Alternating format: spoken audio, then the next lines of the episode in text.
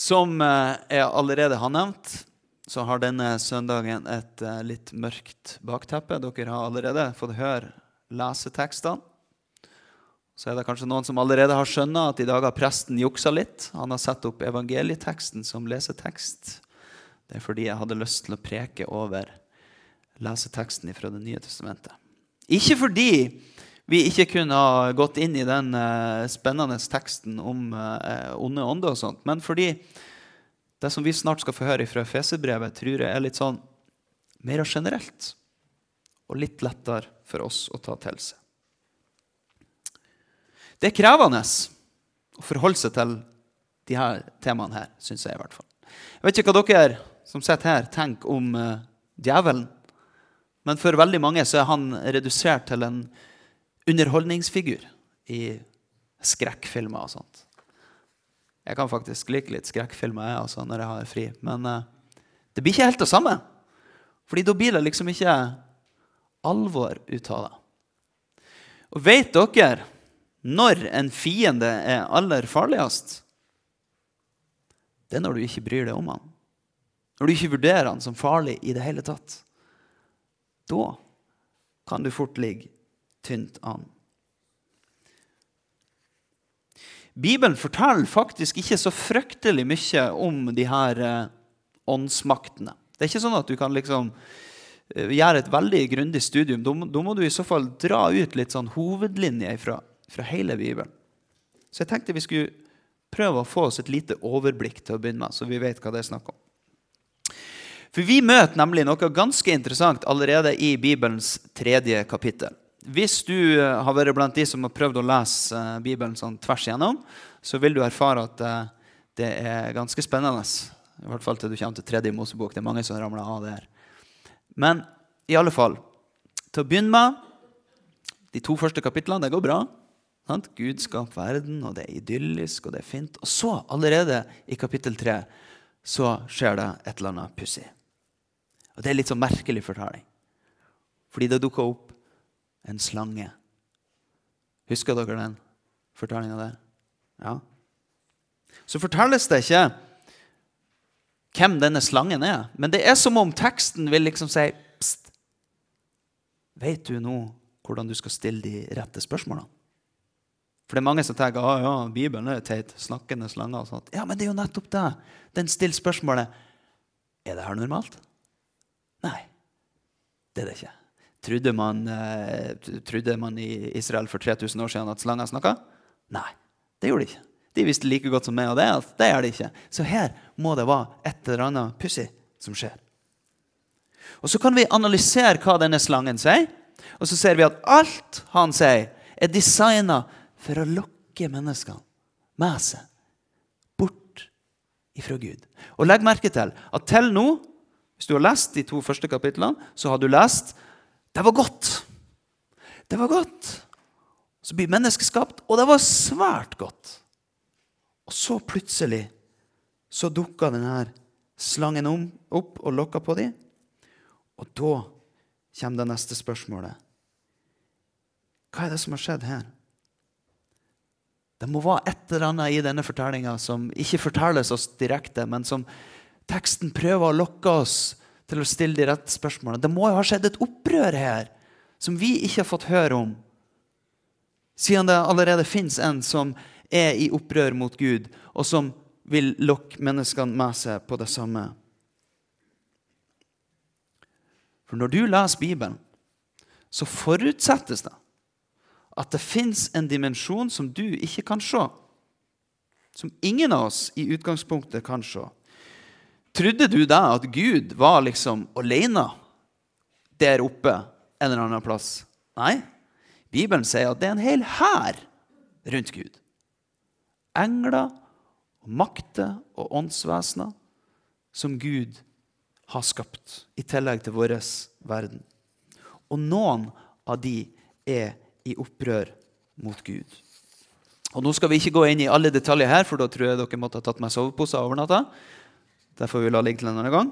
Men vi skal merke oss noe, en viktig ting, som Jesus sier om den ondes strategi. Noen som vet hva den strategien er? Hvis du har lest Johannes 10.10 så sier Jesus tyven kommer bare for å stjele, drepe og ødelegge. Jeg er kommet for at dere skal ha liv og overflod. Legg merke til denne strategien. Stjele, drepe, ødelegge. Det er djevelens mål. Ser du eh, noe sånt i verden rundt deg? Sånn til daglig? Stjeling, dreping og ødelegging? Ja. Det vil jeg jo i aller høyeste grad si. Så her er det ting som skjer. Men dette er veldig viktig. Det skjer på ulike måter. For når vi leste nå nettopp fra Markusevangeliet, så fikk vi høre om en gutt som var besatt av en ond ånd. Det er veldig rart, og det er veldig fremmed for oss. Tror dere eh, kan være enig i det? Og nettopp fordi det er så rart og fremmed, så kan vi gjøre det feilgrepet og si at eh, Nei, det her, skjønner du, var nok bare en sykdom som de ikke skjønte seg på. For de var jo ikke så vitenskapelige og sånn på den tida. Det liker vi å si i 2024. Folk som levde før i tida, de hadde ikke greie på ting. Jo da, de hadde ofte det. skjønner du. Og det ganske, kan være ganske sånn arrogant av oss å si i dag at de ikke skjønte noe som helst. Men jeg tror faktisk det er sånn at djevelen opererer på ulike måter i ulike tider og ulike kulturer. Sånn at i vår tid og i vår kultur så er det her fenomenet her ganske sjeldent. Ganske uvanlig. Men hvis du og jeg gjør den tabben at vi bare lukker øynene våre for at det i det hele tatt fins en åndelig virkelighet, da er vi et lett bytte. For det skjer en kamp. Og hvis du gjør alvor av å følge Jesus, så kan du fort få erfare at du står midt i denne kampen. Og derfor så vil jeg i kveld sammen med dere lese litt i Efeserbrevet, sånn at vi kan få litt kampopplæring. Og da leser vi fra Paulus' sitt brev til efeserne i det sjette kapittel, vers 10 18. Til slutt, bli sterke i Herren, i Hans veldige kraft. Ta på Guds fulle rustning, så dere kan stå dere mot djevelens listige knep. For vår kamp er ikke mot kjøtt og blod, men mot makter og åndskrefter, mot verdens herskere i dette mørket, mot ondskapens ånde her i himmelrommet. Ta derfor på Guds fulle rustning, så dere kan gjøre motstand på den onde dag og bli stående etter å ha overvunnet alt. Stå da fast, spenn sannhetens belte rundt livet, og kle dere i rettferdighetens brynje. Stå klar med fredens evangelium som sko på føttene. Hold alltid troens skjold høyt. Med det kan dere slukke alle den ondes brennende piler. Ta imot frelsens hjelm og åndens sverd, som er Guds ord. Gjør dette i bønn og legg alt fram for Gud. Be alltid i ånden. Våk og hold ut i bønn for alle de hellige. Slik lyder Herrens ord. Når Paulus skriver det her, så er han i fangenskap. Han blir eh, bevokta av romerske soldater. Så han har ganske god tid til å sette og studere denne militære utrustninga deres i fangenskap mens han skriver sine brev. Altså. Ja, her kan, det her kan vi si noe om. Dette er et nyttig bilde vi kan bruke, sånn at dere kan få litt opplæring i den striden som dere står i. Men legg merke til én ting. Han sier aldri noe om de her soldatene som vokter han, eh, at de på noe som helst vis er hans fiender. Nei. Fiendene er ikke mennesker. Fiendene, sier han, kampen, den står mot makter og åndskrefter. Verdens herskere i dette mørket. Ondskapens ånde her i himmelrommet. Det fins altså en virkelighet som vi ikke ser, som vi er i kamp mot. Og vet du hva det beste djevelen vet, er? det er softis. Nei, det er at du ikke bryr deg. Det er det beste han vet. At du bare tenker nei, det der tullet der, det, det gidder jeg ikke å bruke tid på. Perfekt. Da er du akkurat der han vil ha oss. Men hvis du gjør eh, alvor av å følge Jesus og leve etter Guds vilje, så vil du fort oppleve noe som er veldig vanskelig. Du vil møte på motstand. Og Derfor så gir Paulus oss denne oppskriften på Guds rustning. La du merke til hva han begynte med? Husker du det? Er første delen på rustninga? Noen som husker det? Nei, det, og det er ikke så rart. For det er litt sånn, ikke sånn typisk vi tenker på som en viktig del av rustninga. Han begynner med belte. Det er noe viktig, da. Ja, fordi beltet er det som holder alt annet oppe. Så ikke så blir du gående rundt og snuble i resten av utstyret, og det er veldig upraktisk. Hva var beltet? Det var sannheten. ikke sant? Og det er ikke sånn din og min sannhet, sånn som vi prater i dag. Ja, det er sant for det, men det er ikke sant for meg. Nei, det er Guds sannhet. Hva er den? Ja, Vi får ta det veldig kort. Gud har skapt verden. Han har skapt den god. Alt er han opphav til.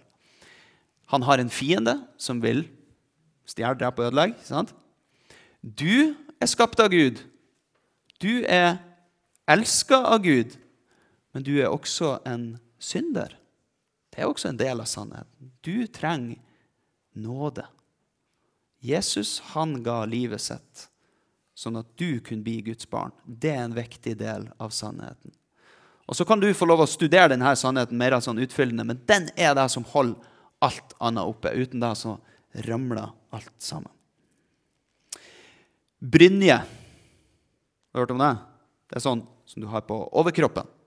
Av metall eller lær. Beskytta mot eh, sverd og sånne ting. ikke sant? Beskytta hjertet ditt. Det er viktig. Hvis du blir ramma i overkroppen, da er, du, da er du fort ute med det. Hva var det? Det var rettferdighetens brynje. Er det din rettferdighet, tror du? Nei, for den ville være ganske dårlig.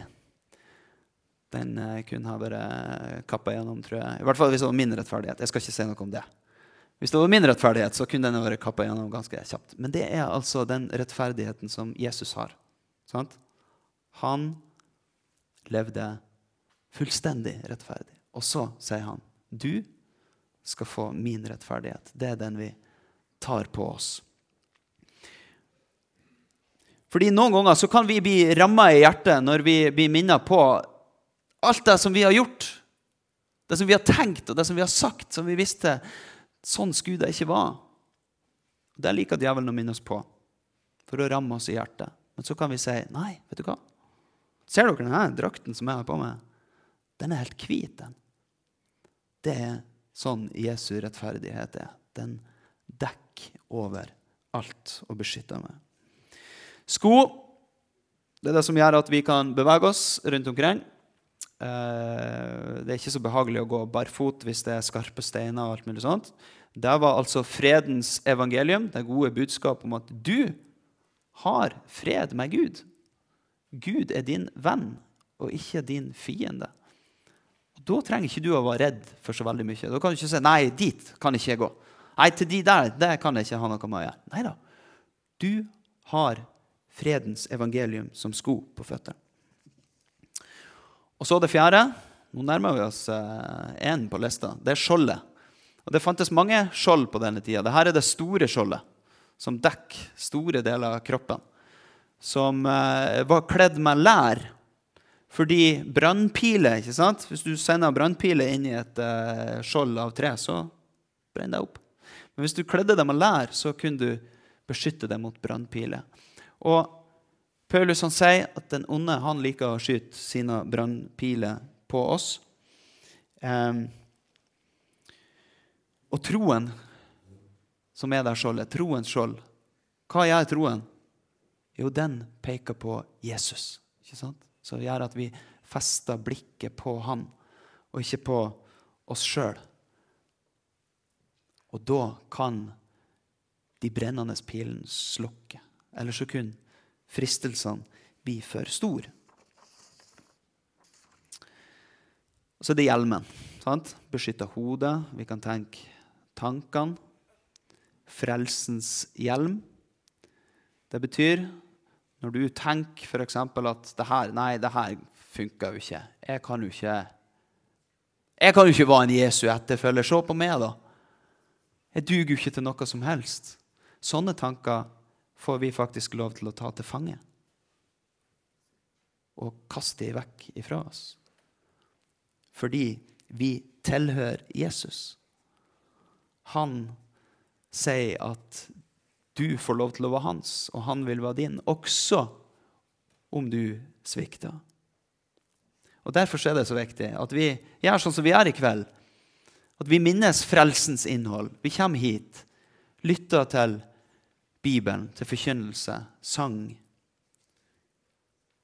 Og så er det sverdet. Merker du da at gjennom hele denne framstillinga er det bare ett våpen? Ett sverd.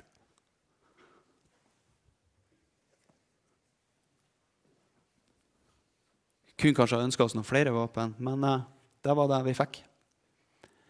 Åndens sverd, som er Guds ord. Skulle nesten ha hatt det i beltet sånn her. ikke sant? For det her er nemlig ikke eh, bare ei vanlig bok. Det er det også. Men det er noe mer enn det. Fordi det er Ånden som står bak, som gjør at det her er en levende bok. Et vanlig sverd, hvis det er skikkelig skarpt, så kan det liksom skjære gjennom uh, kjøtt og bein og sånt. Men det sverdet her, det kan skjære gjennom i den åndelige virkeligheten. Som jager fienden på flukt. Som setter mennesker i frihet. Og når du bruker den, når du studerer den, blir bedre kjent med den, hva driver du med da? Da driver du med kamptrening. Det er det du gjør. Så det skal du ikke tenke smått om. Ok, Det var rustninga. Gå hjem og så øv litt på den. Og så ser du da at i alt det her så handler det jo til syvende og sist veldig lite om oss. Overskrifta sier jo egentlig det meste. Bli sterke i Herren, i Hans veldige kraft. For den styrken det er snakk om, det er ikke din eller min kraft. Og faktisk en annen plass så sier Paulus at han kunne godt gjerne tenke seg å være svak, fordi det er da han er sterk. Fordi da må han stole på Herren. Da må han lære å stole på Herrens kraft. Og I fortellinga fra evangeliet så hørte vi det veldig tydelig. Sant? Fordi disiplene de klarte ikke med denne onde ånden. Men Jesus, når han kom, så drev han den ut sånn. Fordi han er den sterkeste. Og når han ga livet sitt på korset, så beseira han alle makter og myndigheter. Med Jesus så kan du være helt trygg. Men så minner han oss på at det er en kamp. For det er så mye som kaller på oppmerksomheten vår, som vil dra oss bort ifra Jesus fylle oss med andre ting.